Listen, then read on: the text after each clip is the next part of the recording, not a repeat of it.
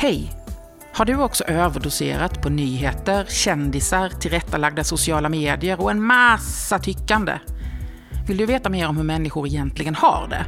Vad de vill och vad som är viktigt för dem? Jag heter Linda Thulin och efter 25 år som nyhetsjournalist så har jag insett att det är så det är för mig. Och därför skapade jag Livet i landet. Här sitter jag vid olika köksbord och pratar med alla sorters människor om just deras liv.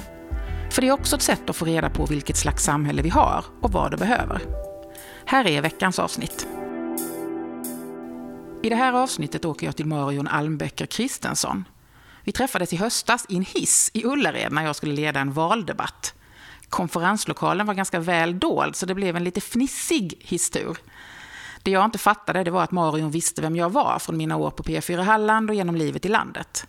Så efter vårt hissmöte och den där debatten så kände hon att hon nog skulle kunna våga berätta i podden om det som är hennes ganska krokiga väg i yrkeslivet. Några mejl, månader och ett telefonsamtal senare sitter jag vid hennes köksbord i Ugglarp mellan Falkenberg och Halmstad. Och vi börjar samtalet i nutid och hennes beslut att vid 48 års ålder skola om sig till samtalsterapeut och bli egenföretagare. Något som egentligen mest var en ren krishantering allting runt omkring bara kraschlandar med jobb och med arbetsförmedlingar och med, med allt. Man känner att man eh, var på den där klippan och bara tittade ut och så kände man att jag orkar inte mer. Här måste finnas någon annan utväg att gå. Och då eh, började jag titta på, jag ville egentligen inte omskola mig men eh, jag var tvungen kände jag för att jag ska kunna komma fram till någonting. Och då så bestämde jag mig för att mm, jag måste ha någon distansutbildning i alla fall och började ju googla på det. Jag fick många träffar på distansutbildningar men jag visste ju inte riktigt vad jag skulle göra. Utan det enda jag hade fått eh, för mig innan och många som hade sagt till mig innan det är att ja, men du har ju talets gåva och det är så roligt att prata med dig och sånt där. Ja, men Samtalsterapeut, vad gör de då? Jo, de pratar. Jag bestämde mig i alla fall att jag skulle gå en utbildning och det var på distans och det funkade hyfsat. Det är det här med internetuppkopplingar och sånt som inte funkar här ute på landet men eh, det funkade då. Och sen eh, när jag var färdig då kom ju nästa steg. Ska jag satsa eller ska jag bara låta det vara? Hur, lång, hur lång var utbildningen? Ett år. Mm. Jag började i januari 21 och var färdig i december 21. Mm. Du, vi ska prata mer om både vad som ledde till det och varför det blev just samtalsterapeut, vad du tänker med det. Men först vill jag också fastna lite i det här med att bli egen företagare. För du säger att det var lite grann när allt annat kraschade och du, hade liksom, du behövde hitta nya jobb helt mm. enkelt. Men för mig var det ju lite samma sak som hände. Eh, men det är också lite läskigt att vara egen företagare därför att även om det kan vara strul med försäkringskassa och arbetsgivare och allt sånt som har en massa krav och förväntningar som inte alltid stämmer överens med våra liv, så får man ju ett ansvar för att det ska komma in pengar Alltså man sätter lite press på sig själv i det. Mm, mm. Hur tänkte du kring det? Då tänkte jag faktiskt inte så väldigt mycket utan jag bara kände det här att jag måste testa. Funkar det inte så funkar det inte. Jag hade ju lite sparat och så med så mycket av den delen har gått till det. Sen så har min man fått offra väldigt mycket av sin fritid och, så att han kör lastbil och han ta det stora tunga lasset just nu i alla fall och dra runt ekonomin. Mm. Så nu är du samtalsterapeut och har eget företag som heter Samtalskompassen. Ja. Mm. Vad gör du där? Jag eh, pratar med folk som behöver den personliga hjälpen, för det första. Eh, man kan ju kommit lite snett i livet. Inte, inte missbruksproblem och sånt nu då vill jag poängtera utan det är mer behöver man prata med någon så kan man kontakta mig. Och så sitter vi, just nu så har jag det, det kallas för samtalsterapi med e-hälsa och e-hälsa betyder ju då att man kan sitta var någonstans som helst. Antingen via mobilt eller digitalt. Mm. Så jag kan ju ta kontakt med den som bor uppe i Kiruna eller om det är någon som bor nere i Malmö, det spelar ingen roll. Och vad tänker du då att det ska vara? För det var som du säger, inte kanske missbruksproblem och sådär, utan vad är det du tänker att eh, människor ska ha problem med som de ska behöva prata om? Nu har det ju varit gyllene tillfällen med pandemin.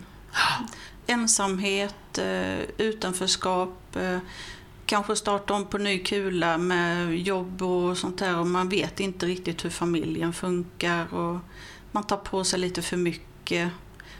Mycket stressrelaterat, mycket Eh, problematik med hur en familj egentligen ska fungera.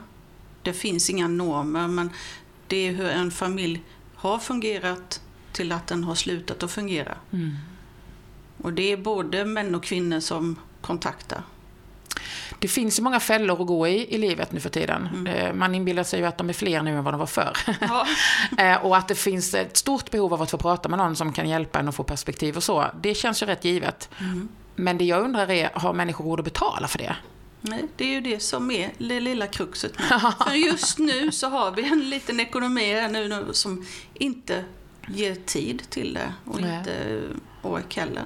Utan då får man ju försöka söka sig vägar som att eh, företagen kanske kunde ta och se till hur... Det är kundvård egentligen, ja. personalvård. Ja. Eh, behöver, behöver lilla Lotta kanske en eh, lite hjälp? Hon ser väldigt nere ut här nu. Det, kanske vi skulle kunna bjussa på den här lilla grejen. Så att eh, du orkar att jobba igen. Och det låter ju rätt fint och jag vet också att många företag är ganska bra på det. Men jag tänker, eh, i alla fall i vissa sammanhang, vissa företag måste ju, men, men rent generellt, upplever du att företagen ser det behovet och värdet av att hjälpa sin Nej, personal med sånt? Nej, inte just nu, utan de bara tänker på att det, företaget ska gå framåt. Ja. Det, det, det finns ingenting. Just nu, som du menar med krisen? Ja, mm. precis. Alltså då, med risk för att låta som en domedagsprofet så får jag ju själv en liten klump i magen när jag tänker att, att äh, de här förväntningarna och förhoppningarna du hade på att liksom börja om och att det skulle mm. funka och sådär med en utbildning du kände mycket för. Ändå så sitter du här och det är lite, nu är det lite svårt. Mm, ja. det är det. Vad, hur känns det då? Det känns inte kul alls. Det, det, det, man försöker att hanka sig fram på vissa event och vissa mm, sammankomster. Eh, men man, som en liten människa, ett litet företag, så når man inte ut. Man har inte de kanalerna. Det, det finns inte. Nej. Utan då måste du ha en stor plånbok. Så hur gör du mer konkret? För jag vet att du nätverkar en del och... och ja. ja. Eh, jag försöker ju nå ut via nätet så gott det går men det, det hjälper ju inte mycket för att eh, oftast får man bara den där lilla tummen upp och så gott jobbat ungefär och vi tror på dig och sen så de hörs ju inte av. Nej. Utan det är bara att man får en klapp på axeln att ja men vi ser dig. Och det är så tufft att få. Ja. Just nu. ja, jag fattar verkligen det. Kan du... Eh, nu, nu är det ju ganska nytt ändå. Du har varit igång det här året liksom. April. April, ja. Så det är inte så. Mm. Men är du liksom i något läge där du tänker att att du vill ge upp eller vill tänka om igen? Eller hur jag har gett det ett år. Ja. April ut ungefär ja. nästa år. Sen så får jag då försöka tänka om. Ja. Eller ha någon, om man kunde ha det bredvid eller någonting sånt där så att man jobbar upp till. Mm. Ja, det var ju så att du såg möjligheter med det här som dels eh, handlade om, om att det finns ett behov och att mm. många människor har det här behovet. Vi ska återkomma till i vilka sammanhang du har mött alla de människorna. Eh, men, eh, men det var ju också då det här möjligheten att få bestämma själv, att ha mm. liksom den friheten. Mm. Vad var det du slapp när du blev egen? Jag slapp att eh, behöva tänka på alla tider som måste gå i lås för att jag ska kunna ta ett jobb på tre timmar en dag i veckan. Eller sex timmar två dagar i veckan. Och eh, det, det är busskommunikationer och hur det än är så det är inte alla som har råd att ha två bilar. Och vi har inte det. Så att eh, min man tar bilen till jobbet och jag får ta bussen. Och som det var innan så var jag ju mycket för det här att gå upp tidigt på morgonen och ta första bästa bussen och jobba för det var tidiga morgnar på det jobbet jag hade innan. Men eh, när bussen kommer in och jag ska byta buss och man ser att den bussen jag, anslutningsbussen jag hade hade precis gått. Då funkar ju inte hela systemet rakt ut utan då hade jag ju försenad ankomst till mitt andra jobb. Så att det blev en kedjereaktion på det hela och där tänkte jag att det, så här kan jag inte jobba. Det blir en stresspålaga så jag höll på att skrika. Som bara handlade om att ta sig till och från jobbet? Ja. ja. Vad var det för jobb du hade då? Jag var städare. Ja. Och var det då liksom, eh, var det ett fast jobb du hade eller var det tillfälliga jobb? Det var eller? tillfälliga, ja. men som var uppbokade på ett år eller ett och ett halvt år. Jag städade byggbodar. Ja, ja, ja okej. Okay. Mm. Och eh, själva jobbet var inga problem. Det är ju jättekul. Ja. Eh, man eh, trivs som fisken i vattnet. Men det var just de här rutinerna runt omkring. Man, man hade de här tiderna du var tvungen till att vara där på. Mm. Och eh, kom du för sent så syntes det ju sen för då hade de ju dratt en kvart på dig eller sådär. Och det är inte kul. Och när man, det är då man vet att det inte är ens fel. Utan det är kommunikationerna som det är fel på. Ja. Ja, det är som du säger, det blir en daglig stress där. Ska, ska jag hinna med, ska jag inte? Och då var det för att bussen, den första bussen var försenad Ja. helt enkelt, så missade Ständigt du den andra. ont i magen. Ja. Och dessutom en logistik som handlar om att du skulle också ha ha iväg barn till skolan och sådär. Ja. Ja. Och när du då liksom... Eh, jag funderar över att du kan ju inte vara den enda människan i världen som åker kollektivtrafik till jobbet. Nu har jag ju levt, de, de gångerna jag har åkt kollektivtrafik till jobbet var när jag bodde i Stockholm. Och där märkte jag väldigt snabbt hur, eh, hur ofta det var så att folk kom för sent och sa, ja ah, du vet det var stopp på trean och det var gröna linjen hade, ah, du vet det var liksom, det ingick lite grann att man kunde komma för sent för att det hade varit stopp i, i kollektivtrafiken. Eh, men det är inte, är inte riktigt så när man Nej, lever här alltså. Inte på landsbygden är det inte så. Nej.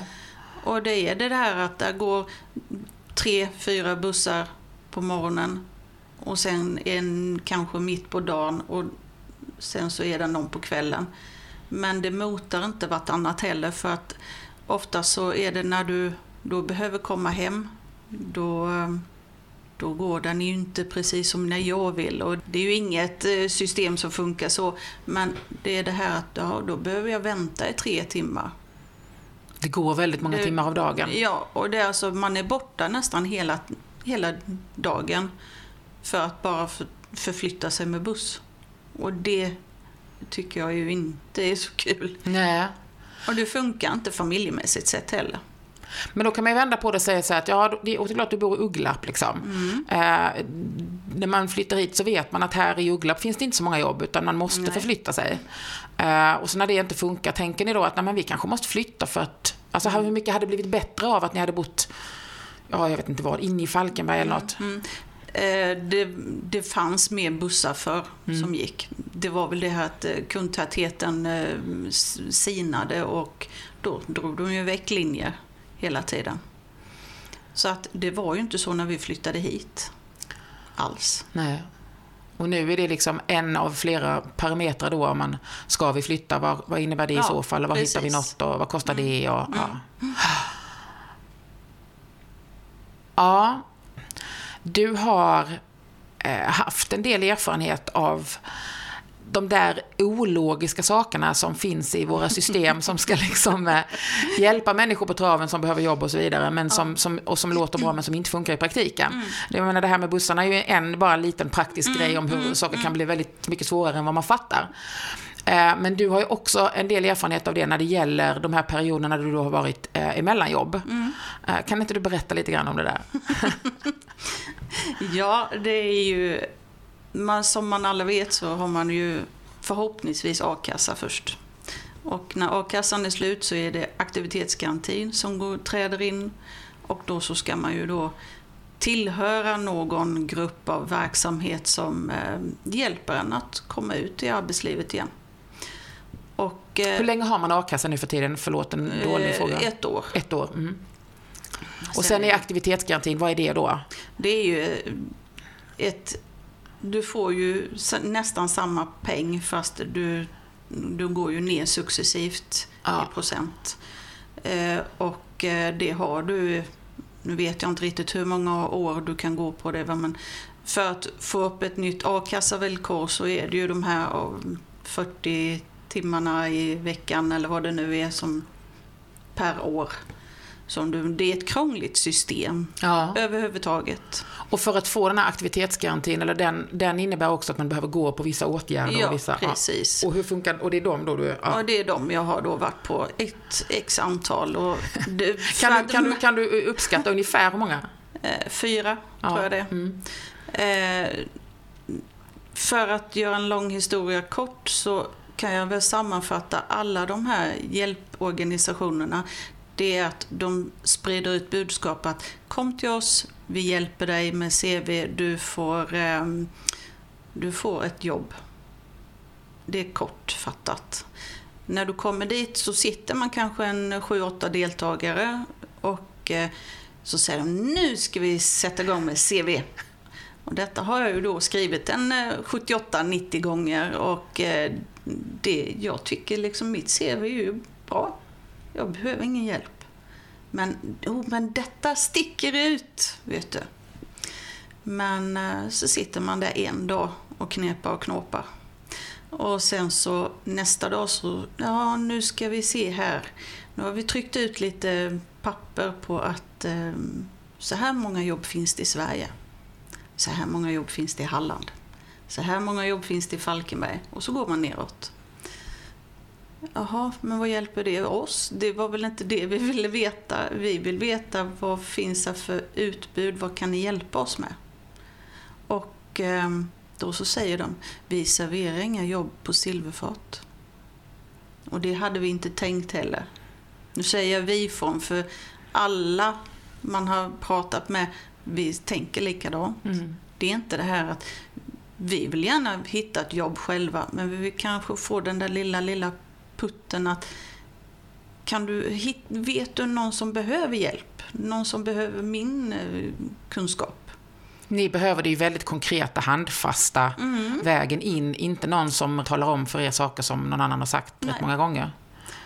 Och sen eh, tredje dagen går, fjärde dagen går, man sitter bara där, man sitter av tiden. Och eh, är du inte där så får du inga pengar. Det är det första man, man de skriver på whiteboardtavlan nu för tiden. Eh, Kommer du inte får du inga pengar. Så här är ett jobb, funkar det. Ja. Och jag kan förstå hur de tänker, men man behöver inte, vi är inte några idioter som sitter Nej, jag skulle där. precis säga det att det känns lite grann som att man blir betraktad som lite mindre vetande för att man inte har ett jobb. Det är nedvärderande, fruktansvärt nedvärderande. Ja. Och sen kan man få utdelat, bara för utfyllnadsmaterial, korsord, eh, lite ja, sådana grejer. Och det accepterade inte jag. Så jag började ju ifrågasätta och det är det dummaste man kan göra egentligen. För att kom inte här och visa dig någonting så. Utan du ska följa mallen. Sen hade jag sån tur att jag hade jobb upp till så att vissa dagar så kunde jag ju inte närvara. Och det tyckte de inte heller om. För att det var inte de som hade fixat det jobbet, det var ju jag själv.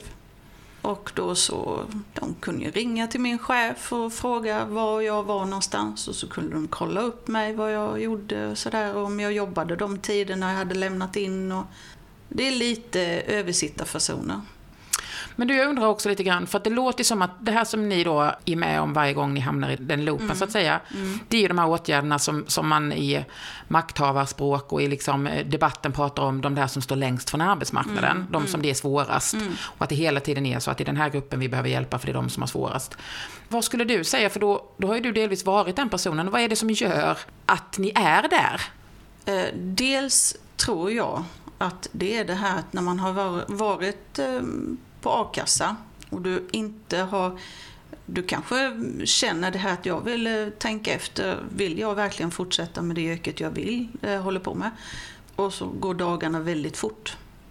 Sen så står du vid den där tröskeln att du har bara 30 dagar kvar på din a-kassa, sen så går du över. Och då börjar du få panik. Och det är då det låser sig för många. För att då vet man inte, vad ska jag göra nu? Man blir stressad, man blir... Många får ont i magen. Många känner det här att, ja men hur ska jag göra nu med familjelivet? Är det meningen att jag ska flytta till eh, Gällivare och min familj bor här. För det står så i papperna att du ska kunna ta vilket jobb som helst. Därav är också att många får den här panikkänslan att ja, jag tar första bästa rusta matcha som det heter då. För att då kanske jag får hjälp där. Mm. Alltså som Rusta matcher är de här ställena, det är, de, det är där, där ja, de skriver precis, CVs och så vidare. Ja, precis. Alltså man blir lite blockerad av att man vet att eh, ja. tiden flåsar in i nacken. Ja, så. ja precis. Man hinner faktiskt göra sig många olater på den tiden med. Det där lilla ekorrhjulet som man säger, det finns faktiskt. Det är inte bara en sak som man säger. Hur menar du då? Du, du gör i olika rutiner. Du, du vet ju det att ja, men jag kan sova till 10, 11, 12. Mm. Eller så kan jag vara uppe hela natten. Eller man gör sig de här... Man tappar lite sin struktur av ja, att inte ha ett tappar, jobb. Ja, ja, du tappar dygnsrytmen. Ja. Mm. Du tappar kontakten, du tappar det sociala livet lite grann. Även om du kanske är väldigt social själv och sådär. Men du, innerst inne tappar du det. Det gör något med en att gå arbetslös ja, helt enkelt. Som ja, sen liksom är lite svårt att bara byta in till den här, nu ska jag vara en sån som går till jobbet 9 5 eller så. Precis. Mm. Jag fattar. För jag har tänkt många gånger när jag har bevakat det här journalistiskt, jag har gjort det ganska mycket. Det var därför jag var så glad att du ringde, för att det är så sällan man får prata med någon som är på den sidan där du är. Det jag kan känna ibland är, finns det en, en orimlig förväntan från arbetsgivarna idag kring det måste vara en viss sorts människor. Det ska vara vissa saker som man måste kunna checka av. Och om ja. du inte lever upp till det så är det väldigt svårt. Har du upplevt det liksom? Att, mm. att det liksom är vissa sorter sorters människor. Det låter ju hemskt när jag säger så här. Men förstår du vad jag menar? Vissa ja, kategorier som bara har svårare. Ja, det är det. Och kan du hjälpa mig att beskriva, kan du se något mönster i det då? Vad det är? Det är ju det här att så fort du, du egentligen har när du kommer på en anställningsintervju och de frågar dig ja, hur länge har du gått arbetssökande eller sådär. Om man råkar säga ja, mer än ett halvår. Då börjar de, jaha, är det något fel på dig? Eh, har du ont någonstans? Eh, Eh, och så börjar de titta, ja, vi kanske behöver ringa och fråga din förra arbetsgivare, eh, hur var du när du jobbade? Var du effektiv eller var du försenad ankomst? Eller var du sån som stannade kvar kanske på jobbet? Du har arbetat för mycket. Ehm, då man börjar leta, vad är det för fel på henne som gör att... Orsakerna, många, många, de här små, små, små fragmenten kan du lägga ihop till pussel. Och då blir det det att ja, men det, den, den funkade inte här. Och sen så är det många arbetsgivare nu som är det här, man får förfrågan, ja, är du ute på Facebook? Sociala medier överhuvudtaget? Eh, har du något emot att eh, vi kollar upp dig där? Och den frågan tycker jag är lite väl Hur då? Privat. Alltså du menar att de vill ha åtkomst till ditt privata Facebook-konto? Mm, lite grann så ja. De vill kolla upp vad, vad du har för vänner, vad du har om, om du säger kanske kommentera lite för mycket vissa saker politiskt eller något annat engagemang nu sitter jag med öppen mun. för, det här blev jag lite paff över. Menar du att det är så? Ja. Det är alldeles för länge sedan jag sökte jobb märker jag för att jag uh, fattar inte hur det är. Uh, men, vad, men när de frågar det, vad, vad, känner du att du kan säga då, nej det tycker inte jag att ni har med att göra och vad händer då? Nej men då får man bara säga det att nej det, det, det är ingenting som jag lämnar ut. Nej. Jag är inte så mycket ute på sociala medier ändå, privat. Men eh, jag känner att eh, den där, det flåsar också nacken det här att du måste vara ute på mycket. För att eh, är du en försäljare så måste du ha allt det nya som kommer ut nu för att det, så här är tiden. Mm. Men du, kan vi backa lite då till de där åren när du faktiskt jobbade och hade heltidsjobb och sådär Vad mm. gjorde du då? Var det då du jobbade som städerska? Ja, ja. det gjorde och det var också kul när vi pratade om det i förväg, du och jag. För att eh, eh, ja, men jag bara gillade hur du pratade om de olika arbetsplatserna, de olika jobben och så. Mm. För det där är ju, nu är vi ju raka och ärliga igen, det är inte mm. något högstatusjobb att vara städerska. Nej. Nej. Eh, men du gillade det? Ja. För det mesta i alla fall. Ja, för det ja. Det finns alltid en baksida på allting. Ja. Det finns det ju med alla yrken. Ja, det är klart. Men äh, återigen, jag eh, gick från att eh, ha varit kafébiträde på Röda Korset i Växjö. Till att tre kvart efter stå i ett kök hos min dåvarande arbetsgivare. Eh, och han säger bara det att välkommen, eh, du, vi träffas ikväll. Du ska följa med oss på ett städ. Där och då fick jag världens bästa arbetsgivare. Jag kände att det var stora famnen med en gång. Du det här ska vi väl fixa. Städa kan alla göra, men jag ska visa dig hur. Det är ingen fara. Jag har alltså städat bajamajor från eh, olika festivaler. Inget glamoröst alls, men eh, man var ett gott gäng. Eh, jag har städat på väldigt pimpinetta, fina ställen där kristallerna, vaserna stod liksom och man var nästan dörädd att man skulle peta ner det. Jag har varit på många skitiga ställen. Men det är det som är roligt. Ja. Då syns det ja. att man är där. Man är hej och tjenis med alla. Man fick upp kundkontakter. Man fick många, det här positiva. Åh, vad roligt att se dig. Välkommen. Och så till slut så blev, lossnade mer och mer. Till slut fick jag egna ställen att vara på. Så jag har varit Växjö runt. Ja. Jag, hade, jag räknade ut på ett ungefär har jag haft 25-30 ställen på en vecka som jag då åkte runt på. Eller sådär. Och där visste alla vem du var och var tacksam över det du gjorde där? Ja, och så. precis. Ja, ja. Och eh, sen fick jag då, alltså efter ett tag när han då utvärderade vad jag hade gjort. Nu får du ett helt eget ställe. Och det var lite närmare hemma då. Så det var ett eh, stort mekanisk verkstad i Alvesta. Och där trivdes jag som fisken i vattnet. Mm. Det, det, var, det, var, ja, det var himmelriket, alltså om man, nu säger, om man nu kan säga att himmelriket och städa, men det var inte bara det, för alla 200 anställda, de sa inte åh titta där kommer städerskan. Utan hej, kom, du kan få kaffe här. Eh, det, det var helt annan mentalitet. Allt. Du var lika viktig som de andra anställda? Ja. ja. Och jag var medräknad en i mängden. Eh, man fick vara med på julfester och sånt. Och det är inte för att man ville ha den där bekräftelsen så. Utan det var mer det här, kom du, du är också här. Mm. Var det inte ett tungt jobb? Jo. Ja. Mycket tungt. Ja. Men det uppväger eh, all den positiva känslan man fick. Ja. Och det, var, det är ett yrke som alla andra. Och jag har ju sagt det att um, finns inte jag så kommer du uh, snart skrika efter att är det inte någon som kan städa här. Mm. Men du, jag måste också backa till, för den här, du berättade om han då, den här chefen, eller arbetsgivaren som du mm, fick. Mm, mm. Han verkar ha varit jätteavgörande. Ja. Hur träffade du honom och vad var det med honom som var så speciellt? När jag var på det här eh, Röda Korset då så, jag fixade inte det mentalt. Att stå där och tjäna andra. Nu säger jag ingenting illa ment om Röda Korset för det är jättebra verksamhet. Men du var där som någon slags arbetsmarknadsprojekt ja, då? Ja, precis. Och mm. det, det funkade inte för mig i alla fall. Jag, jag såg bara att eh, tiden gick och jag kom ingen annanstans.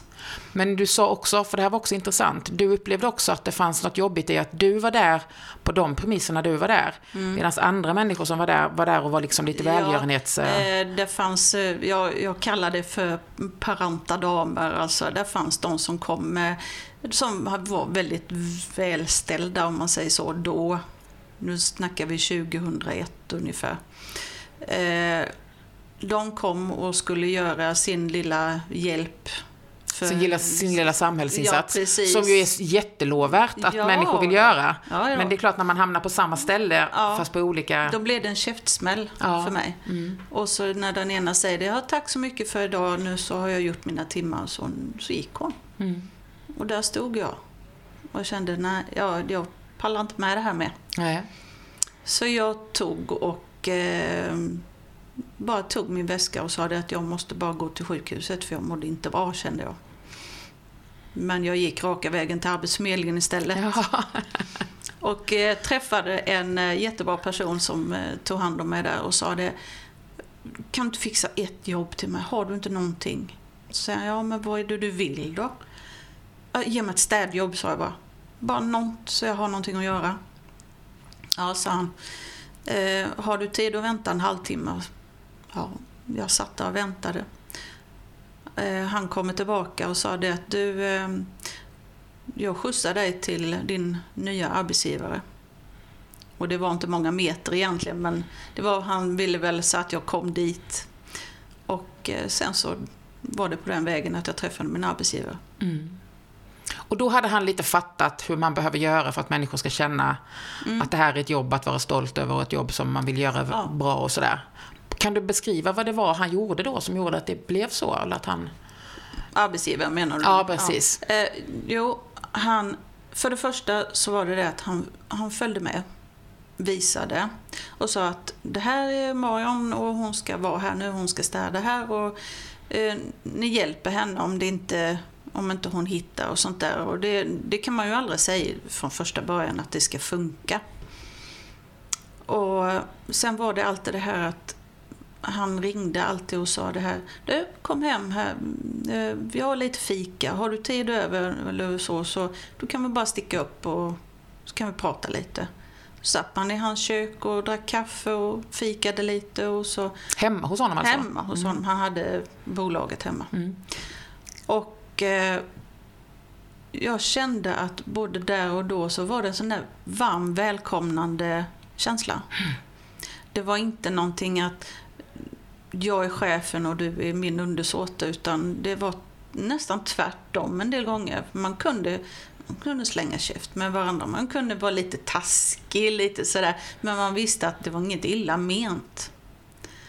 Och alltid när jag hade problem, om det var någonting så ringde man och fem minuter efter så var det löst. Det fanns ingenting som heter att gå och ha ont i magen när man går till jobbet. Utan jag tyckte det var jätteroligt. Mm. Arbetskamraterna, allt. Ja, för då fick ju alla ta del av samma typ av företagskultur så att Ja. säga, så alla kände samma sak. Och därav byggde jag ju upp min självkänsla också. Jag kände det att jag kunde ju släppa på den där lilla bromsen jag hade här inne. Att våga, eller kan min arbetsgivare lita på mig så pass mycket, då kan jag ju ge ut lite mer så att han kanske får lite mer tillbaka. Mm. Att, ja men, eh, vi vill ha er nästa gång med. Det är en mm, upphandling. Vi, vi, vi vill fortsätta. Mm. Och det, det där, där lilla fröet som såddes i mig då liksom att eh, jag ska också vara sån där. Jag ska försöka, man, man måste bjussa på sig själv lite. Man måste vara lite service-minded. Eh, även om inte det var mitt jobb kanske att putsa en eh, liten fönsterruta så ja men det tar inte en minut att göra det. Jag gör det. Och det, då tyckte de ju, ja men herregud vad roligt. Mm. Det ena föder det andra på något sätt. Mm. Men sen finns det ju också en annan, eh, en annan aspekt, en annan sida av yrket som jag upplever, men som inte alla andra upplever kanske, men jag och några till. Det är det här, man kände sig som en piga. Ja. Man fick stämpeln på sig och nu pratar vi då kanske inte företagsstäd och sånt, utan då är det hemstäd istället. Mm. Och när rutavdraget kom, då blev det ju det att boom, sa det bara, då skulle alla ha hemstäd. Men de visste inte själva hur de ville ha det hemma, de visste ingenting. Men städa skulle de inte göra mer. Då kände jag det här att kan du inte dammsuga upp utanför, eller innanför din egen ytterdörr, vad, vad har du gjort innan då? Har mamma varit där eller vad? vad? Jag, jag fick den Du där hade lite svårt att känslan. förstå de som behövde Ja, hjälp med att städa. Inte, ja, jag Ja. kunde inte svälja. Det är skillnad om du är sjuk eller om Ja. du, du har något som fysiskt gör att du inte kan. Men eh, en barnfamilj där det dräller av leksaker och så då, nu vet jag inte hur det är nu, men då hade man en mall att gå efter att du ska göra detta och detta och detta och detta och så betalar de dig för det. Mm. Men det urartade till slut. Så att de började nästan att bli lite sådär, de la lite riskorn bakom dörrarna för att se så att vi dammsög. Och, Nej, men, eh, men det, vi- det finns, eh, alltså det är inte många som pratar om det, men det finns.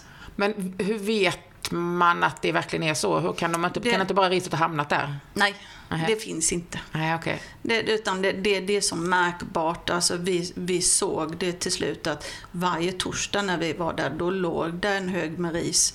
Fortfarande liksom att det, och då var det inga barn kanske Nej. med i, i bilden utan För att de ville, de ville, De ville kolla så att kontrollera. Ja. Men det låter som att det är två helt olika sätt att se på ert yrke då, om du jobbar på ett Ja. företag eller med en privatperson. Och så tänker jag på att när man införde RUT-avdraget och när man det är liksom den branschen har vuxit som den gör nu, Precis. så har det ju dels underlättat jättemycket för stressade människor som då Mm. har viktigare saker för sig och har råd att betala.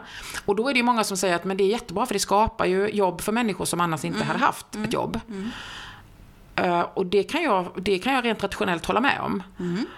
Och det tror jag du gör också som ju Mm. Ja, liksom inte har något problem med jobbet som sådant. Nej. Utan det du då vänder dig mot är lite grann attityden.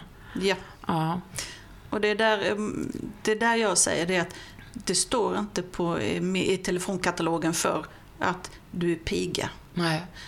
Jag fick det stämpeln att du, du, du är här för att städa och du är min piga, ungefär. Ja. Man fick den så fort man bara öppnade ytterdörren och tittade sig om. Åh nej, tänkte man. Hur ska jag orka med? Och så gick det på tid också, så att man hade ju inte hur mycket tid som helst. Och det, det funkar inte så. Alltså man måste ge och ta. Mm. Man kan inte hålla på och flänga hur mycket som helst. Man var som en disktrase när man kom hem. Det var Och det- tyngre jobb än företagsjobben alltså? Mycket tyngre. Värre än att städa ba- bajamajo? Jaha. Ja, det är det. Ja, för du sa till mig så här att, att du sen till slut kom till en punkt där du sa aldrig mer hemstäd. Ja. Ja. Och det, det var mycket som det lades lager på lager om man säger så. Eh, men till slut när, när man fick världens utskällning för att man inte hade tagit skohyllan. Men jag hade i själva verket egentligen tagit skohyllan men jag hade råkat sätta den på fel håll. Mm. Det, det, det är bara en sån liten grej. Ja. Eh, memolappar. Det, jag har, det är ett hus klätt med memolappar. Glöm inte soffan, glöm inte spegeln, glöm inte det, glöm inte det. Och då började jag tänka på, har du sån energi att skriva lappar, då skulle du faktiskt kunna ta den där förjordade spegeln själv. Mm. Och det, det speglades av i, till deras barn. Barnen skrev lappar. Eh, Rör inte min eh, gitarr exempelvis, eller rör inte min säng, eller glöm inte bädda min säng. Men vad lär det barnen? Nej. De fick ju bara det här att lära sig att köra med andra. Då, då var måttet rågat riktigt Ja, jag fattar det. Jag fattar det. Ja, det finns mycket spännande med detta, men det är jätteintressant för det är också det här att eh, det är så lätt att tänka att eh, om man står långt från arbetsmarknaden, om man har svårt för att få jobb, så är det för att man egentligen är lite arbetsskyggen, man är egentligen lite så. Och det hör man ju när, man, när du berättar att det är du inte alls. Nej, men sen har du någon slags gräns också för hur du vill bli behandlad som människa, vilket känns rätt rimligt det också. Vi har två delar kvar av de här intervjuerna som jag gör. Jag har lite fasta frågor som vi ska ta i slutet. Men jag vill också, för nu har vi pratat jobb jättemycket, men, men kan du inte berätta lite grann också eh, vem du är? Jag är ju född och uppvuxen i Vessigebro Mm. och eh, trivdes jättebra där. Och eh, sen så, jag är utbildad bagare. Så Jaha. att jag har, eh, jag gick ju livsmedelsteknisk linje i Falkenberg och så. Och eh, fick jobb på ett eh, jättefint konditori här i Falkenberg som tyvärr inte finns mer.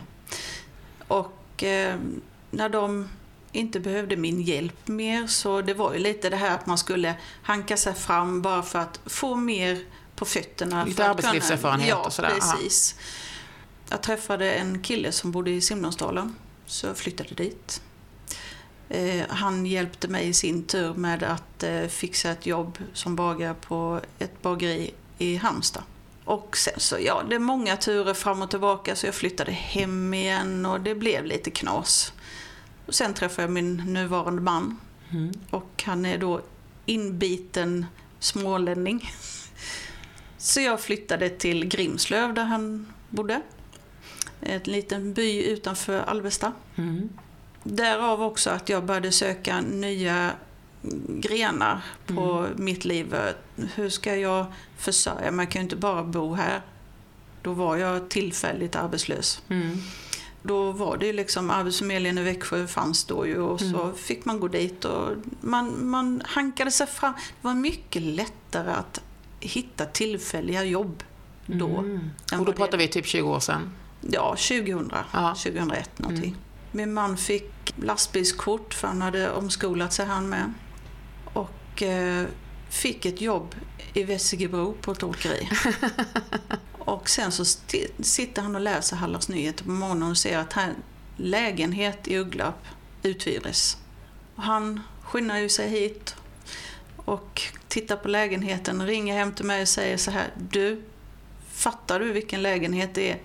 För det, för det första så ser du nästan havet. Och för det andra så är det så att lägenheten är bara precis spegelvänd mot det vi har just nu. Så vi behöver inte tänka på att byta soffa, ingenting. Lättaste flytten, eller ja. Ja. det är aldrig lätt att flytta men ja. Nej. Så på den vägen var det. Och det 20 var då 2010, ja Ja. just det. Mm. Och sen så har vi bara blivit fast. Ja. Sen kom sonen 2014 så att eh, sen blev det inte liksom lika lätt att flytta. Nej, och inte lika lätt att ta vilka jobb som helst heller. Nej. Nej. Men då får man också bilden av eh, lite hur det har... För för det var det jag tänkte, att du har verkligen haft ett brokigt arbetsliv på det sättet. så, ja. Men att det, har funkat Men ganska ändå väl ett för dig. intressant. Ja, för att verkligen. jag, jag har tagit till mig allting som jag har gjort. Mm. Och jag har varit ifrån eh, väldigt, väldigt blyg när jag gick i skolan. Mm. Till att vara en, tycker jag själv, en person som har lätt för att prata, lätt för att föra sig, lätt för att ta till sig saker. Och utvecklingen då har ju gått successivt framåt till det jag sitter med nu. Det hade jag ju aldrig vågat göra innan, att, att sitta som samtalsterapeut och prata med någon annan så för att jag hade ju inte, nej usch, det hade fått hjärtklappning, jag hade ju blivit lila i ansiktet. Och nej, jag hade inte vågat ta den kontakten. För att du skulle prata eller för att du skulle kunna ge någon annan människa råd eller? Prata. Ja. Okej. Stå upp och få prata med andra. Det har ju växt på alla de åren, alla de 20 åren som jag har i ryggsäcken på bara städ Mm. till och från. Det har ju gjort att jag har växt väldigt mycket. Och mött många olika sorters människor. Ja, och det, det har ju hjälpt mig. Och det är också för att knyta ihop den delen var lite intressant med, för jag, jag tänker också på det att när du då valde den här samtalsterapeutvägen nu, Mm. så var det lite för att du också har mött ganska många människor när du har varit på de här olika åtgärderna och Ja. sådär. Så ser du lite grann vad det kan hjälpa människor att, Precis. att växa så som du säger att du har Ja. gjort. Ja. Och att det behövs. ja. För att eh, De hade behövt göra det istället för att skriva om sitt CV för 17 Ja, gången. Ja. Precis, exakt. Och jag känner fortfarande hur, hur förbannad jag blir när jag tänker på det. att Jaha, nu ska jag skriva CV. Det, det, det, är så ful, det är ett fult ord, CV, tycker jag egentligen. För att det innefattar inte vad, hur du är. Det är bara ett papper på vad du har gjort. Och då skulle de där företagen som då erbjuder eh, sammankomster då utifrån eh, aktivitetsgarantin och så, Ja, snarare anställa någon som dig. Men Fick ni någonsin såna, så, någon som hade sådana kompetenser? Nej, inte alls. Utan det, det står ju gärna, om man går in på vissa mm, sådana här rusta matcha-grejer, det är att och vi ser till din personliga eh, situation och sånt där. Men det är inte det de gör, utan det står bara. Det står Ja. bara med, Ja. men de gör inte det. Nej, då finns det ju verkligen en väg där. Men det är ju en sak som vi snackade om innan. Det finns ett behov eh, och det finns någon som vill göra det, men då ska någon betala. Precis. Mm. Eh, när jag då sa att ja, men jag har börjat att utbilda mig och jag läser till detta. Då fick man liksom inte, åh vad positivt, ja vad bra. Utan, jaha, ja, det där får du göra utanför våra timmar. Det var inte liksom det här att vi ska pusha dig till att du får bättre stöd, att du får, kan läsa någonstans eller så. Nej, utan det var mer det här, lägg locket på, det, det får du göra någon annanstans. Det passar inte in i vår lilla mall över hur man ska göra. precis. Nej. Och då så fick man den här stämpeln att "Ah, hon har försökt det och det och detta men eh, det, det är ju inte det vi utgår ifrån. Och så fick man en stämpel där att man var lite obekväm. För att du hade valt egna vägar? Ja. Och för att exempelvis jag hade jobb utöver så att det kanske kraschade då med deras tid då, och då var jag tvungen till att ha en jädra massa vidimeringspapper att du har varit där och du har jobbat. Oh. Sucken är djup när vi övergår till sista, eh, sista delen av den här intervjun. Som är mina fasta frågor. Den första frågan eh, är ju vilken livsförändring är du mest stolt över? Det är min familj. Ja. Faktiskt. ja. Den kom då ganska sent i livet? Ja. Ja. Eh, Vi gifte oss 2014. Eh, 2004 menar jag, förlåt. Eh, och, det var inte så sent i och för sig. Nej, det var inte så sent. Nej. Eh, det var tillfällena det med. Ja. Eh, och eh, sen så blev det inte som vi hade tänkt oss. Utan eh, William kom 2014. Och då var jag 40. Hade ni försökt hela tiden då? Ja. Ni försökte i tio år? Men vi sa, blir det så blir det. Man, eh, vi brydde oss inte riktigt sådär. Nej, okej. Så ni hade liksom inte eh, gett upp hoppet? Nej, Nej. det hade man inte. Och hade ni börjat göra liksom speciella... Man gjorde lite undersökningar. Ja, och men lite inga så. IVF eller sådana nej, grejer? Nej, nej, nej. Utan det, Okej, ja då förstår jag verkligen det. Och då är han alltså åtta nu då? Åtta. Ja, ja just det. Mm. Ja, det var ju en intressant livsförändring som jag kan förstå har varit eh, någonting att vara stolt över. Sen eh, har jag ju också den här frågan som handlar om att jag är nyfiken på vilka människor man har i sitt liv som har liv som skiljer sig väldigt mycket från ens eget. Vem har du där? eh, våra allra, allra bästa vänner i Växjö. Ja. Eh, vi eh, lärde känna varandra eh, när vi bodde i Grimslöv. Då bodde de också där. Och eh, vi växte ihop, familjerna växte ihop. Alltså, vi kände att eh, vi passade så som handen i handsken. Vi har samma värderingar, vi har samma... Allt är samma nästan. Men vi skiljer oss i yrke, vi skiljer oss i hur livet har blivit nu. De har lite andra, andra förutsättningar än vad vi har. Mm. Men vi har ändå samma gemensamma punkt att när vi kommer hem till varandra så kan vi ju sparka av oss skorna, vi kan sätta på oss myskläder. Det är ingen som bryr sig, man kan vara där man är. Just det. Och det är viktigt att ha någon sån att vara med. Men jag tänker ändå, för jag tycker mer det låter som att ni har väldigt mycket gemensamt än att ni skiljer er väldigt mycket åt. Det, den gränsen är ju hårfin Ja. egentligen. Va? Men eh, det som skiljer oss åt på ett materiellt sätt. då, Ja. De har det Eh, lite de bättre har det ställt, lite eller? Bättre, ja, eh, deras förutsättningar har gått eh, som en kedjereaktion. Ja, just det. Eh, mer än våran har varit lite knackig. Deras väg har varit lite rakare än vad ja, er har varit. Precis. Men det är ju inte det här att, åh vad synd det är om oss. Nej, ni har fortfarande kvar allt ni hade gemensamt, men Ja. de kanske då stack iväg på ett annat sätt i liksom, eh, Ja. karriär, eller vad Ja, man ska säga. precis. Ja, men då fattar jag. Mm. Nästa fråga är, vad är lyx för dig? Mm, det är mycket. Tänk dig en fredagkväll, vi har gjort räkmackor. Eh, mycket räkor ska det vara. Och så med stora, ja precis, med citron och majonnäs och allting. Och så ska det inte vara en macka. Det ska vara fyra, fem stycken. Och så blir det ofta att man orkar inte äta upp alltihop. Så att man sparar någonting till morgondagen. Då är det lördag. Nu är det, helst ska det vara lite en höstdag eller en vinterdag. Så ska man ha varit ute och gått ut med havet. Och när man kommer hem igen så ska man ha laddat kaffebryggan. Bara smäller på kaffet så att det rinner ner. Ta fram den här räkmackan som man har kvar. Det är lyx. Ah, vilken liksom setup på det.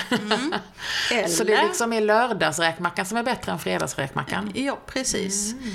Och det är klart att den där lilla aspekten som handlar om havspromenaden innan, Mm. den är ju lätt att säga för oss som bor nära havet, men det är inte alla förunnat att göra det. Nej, men man kan, behöver inte ta havet. Nej. Man kan ju ta en sjö eller du kan gå ut i skogen eller samhället eller stan eller vad det än är. Det är bara att man gör någonting för att ha den där lilla moroten att komma hem till. Just det.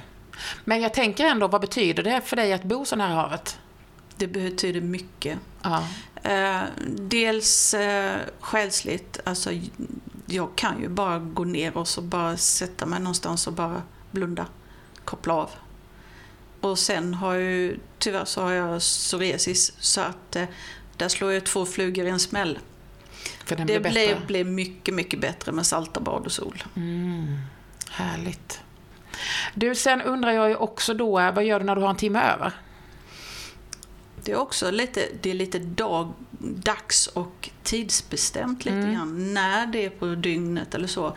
Men om vi säger som, eh, som nu, då är det ju bara till att sätta sig med en kopp kaffe. Antingen är det sommar, då sitter man ute. Eller som nu då när det är lite kyligare, bara sitta och titta ut. Mm. Det kan du. Ja, Ja. jag, Vad kan, händer i huvudet när du gör det?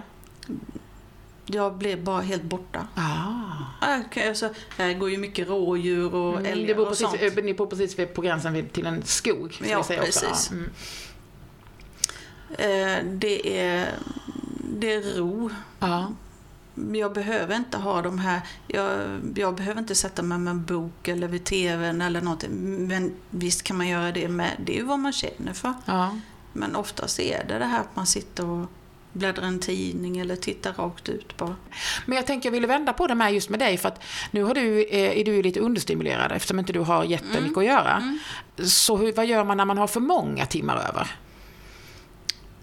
Då så tittar man ju väldigt mycket på TV. Ja.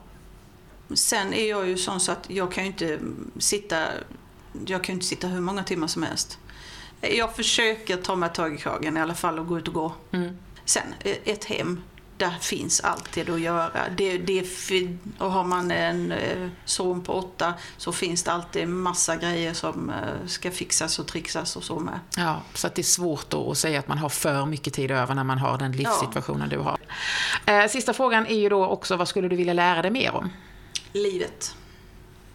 Ja, Eh, den, den är ju väldigt eh, stor ja i och för sig. men det är ju är det helt eh, rimligt. Liksom. Ja. Så länge du lever så lär du dig någonting. Oavsett. Du, du lyssnar på radio, du läser en tidning eller vad det än är så lär du dig alltid någonting. Mm.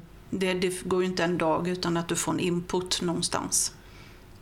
Men du, sen sa du mig innan vi slog på bandspelaren att du hade en specifik grej du skulle vilja lära dig, eller du skulle vilja förstå. Ja. Och det var ju lite grann, det var jag kopplat till det här med att söka jobb och, och eh, hur myndighetssaker funkar. Kan du inte berätta om det? Eh, jo, det är ju hur de sätter upp regler och eh, hur vi vanliga människor ska då förstå hur de reglerna ska följas. För att det är ju en sak att säga dem och en annan sak att följa dem. Mm. För att du, pappret säger ingenting. Ja, det där är ju intressant. Vad... Nu vet jag inte alls hur det här funkar, men man tänker att eh, utifrån det samtalet du och jag har haft nu så skulle man ju vilja att fler människor som fattar beslut om hur det är för till exempel arbetslösa skulle liksom eh, kunna ta, ta till sig det och, och ha det i åtanke. Eller så gör de det, men det inte spelar någon roll. Jag vet inte. Det spelar nog ingen roll egentligen för att eh, de har bara ett epitet att det här måste flyta på. Ja, Sen om arbetsmarknadsprocenten sjunker eller om det höjs eller vad det än är, det, det är bara en siffra. mm. Det, det, det bryr de sig inte om utan det är bara det här att ja, men nu har vi satt denna lagen, lagen är så. de ska göra sitt jobb. Liksom. Ja. Ja, så är det väl. Jag skulle ju vilja vända på det här att eh, det här med att man måste, när du är arbetssökande så ska du ju skicka in till Arbetsförmedlingen eh, hur många jobb du har sökt. Ja, just det. Och eh, det kan ju vara som en klump i magen för många att sitta där sista dagen eller näst sista dagen. Visst ja, jag måste ju skicka in det där med. Och så har du det att ja, du ska ha minst skickat in 20 jobb. Ja. Och du kanske sitter där med 12. Vad gör du då? För att så står det längst ner att har du inte skickat in så granskas du. Du kan komma att granskas. Du ska granskas. Det är, det är ett förmynderi. ja. Och där är det ju då många som jag har pratat med då i, i skepnaden av terapeut Mm. att jag orkar inte med det här. Nej. Jag fixar inte med det här. Vad ska jag göra? Men det här är också så intressant, för, för det, det, blir ju precis det här som du säger, det blir ett förmynderi, man känner sig omyndigförklarad, mindre vetande, mindre värd och allt det där. Mm. Och ingen tar hänsyn till ens egen praktiska verklighet och sådär. Allt det där fattar jag ju. Men sen i den andra vågskålen så har du också att det är en jävla massa skattepengar. Ja. Som ska ut liksom. Ja. Mm. så på något sätt så måste man ju också kontrollera det, för att annars så skulle det ju valla ur helt. Men däremot så skulle du då återigen fall tillbaka på det som vi hade för typ 20 år sedan. Att Arbetsförmedling, eh, eh, alla andra organisationer hjälpte till lite mer att backa upp den som söker jobb. Att eh, vi, vi ska försöka att gemensamt eh, fixa något jobb till dig. Eh, Det finns ingen quick fix längre, det, det finns inte. Men den där hjälpen på vägen att eh, Ja, men vi ska se. De, de på den eh, skolan, vi säger om du är lärare, att de söker, men vi ska se, behöver de just din kompetens?